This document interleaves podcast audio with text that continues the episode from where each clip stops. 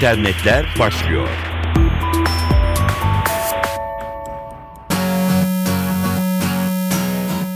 Dünya Mobil Kongresi'nin etkileri bültenimize de yansıdı. Bolca akıllı telefon haberi var. İlki Türkiye'den.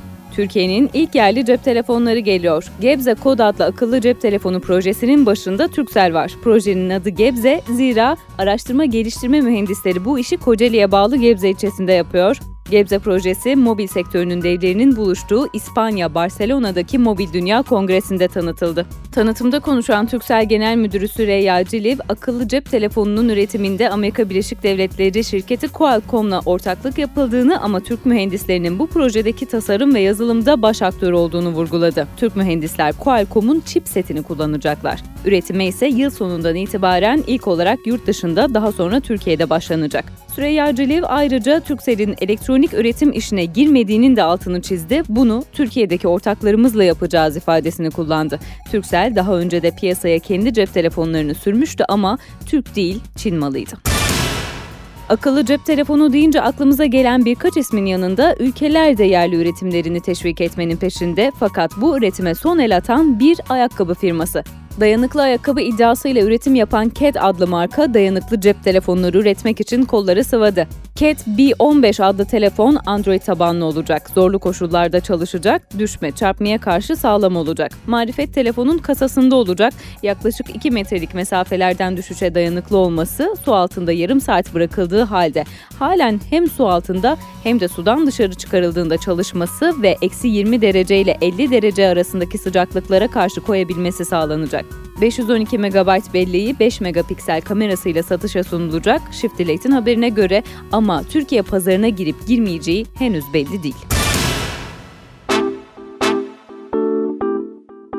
Her marka ya da ülke dijital dünyada gelişme konusunda bu kadar açık değil. Uzak Doğu'nun bilinen en kapalı ülkesi Kuzey Kore gibi. Kuzey Kore sokaklarından paylaşılan sıradan bir Instagram fotoğrafı dahi haber olabiliyor. Zira bu bir ilk.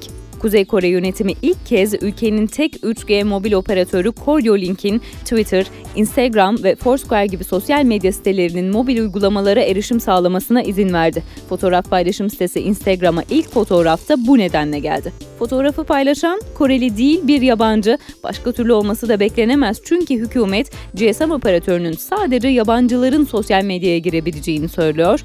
Kuzey Kore yönetiminde babasından koltuğu devralan yeni lider Kim Jong-un internet konusunda nispeten yenilikçi. Ülke birkaç gün önce de yine sadece yabancılara internet erişim özgürlüğü tanımıştı.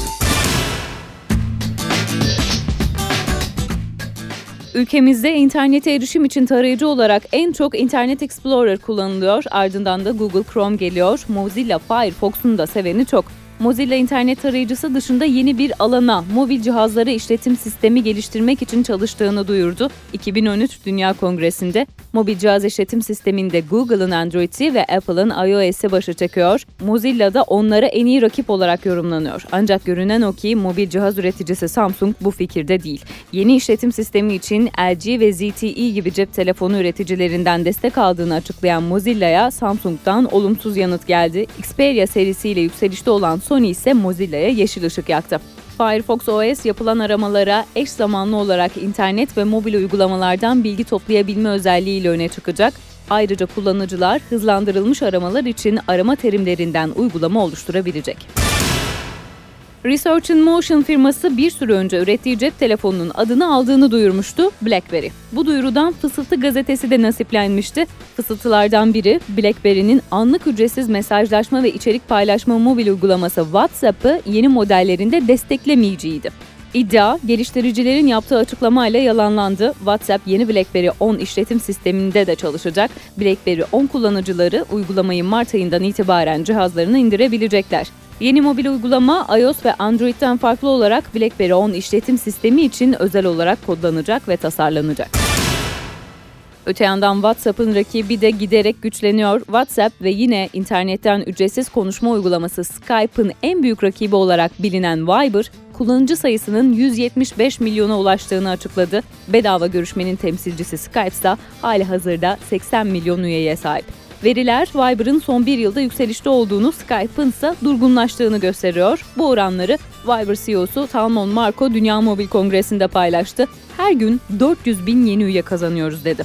Marco, telekomünikasyon şirketlerinden müşteri çaldıklarına yönelik eleştirilere de yanıt verdi. Şirketlerin kendileriyle anlaşarak daha faydalı bir iş ilişkisi kurabileceklerini belirtti. Faturalandırma hizmetleri telekomünikasyon şirketleriyle cep telefonları operatörleri arasında alternatif bir ortaklık alanı olabilir dedi. Viber adındaki ücretsiz konuşmaya yarayan uygulama hemen bütün akıllı telefonlarda çalışıyor.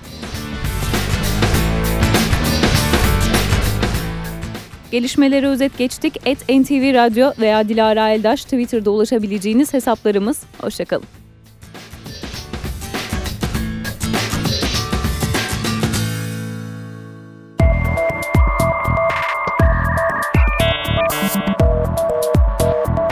İnternetler sona erdi.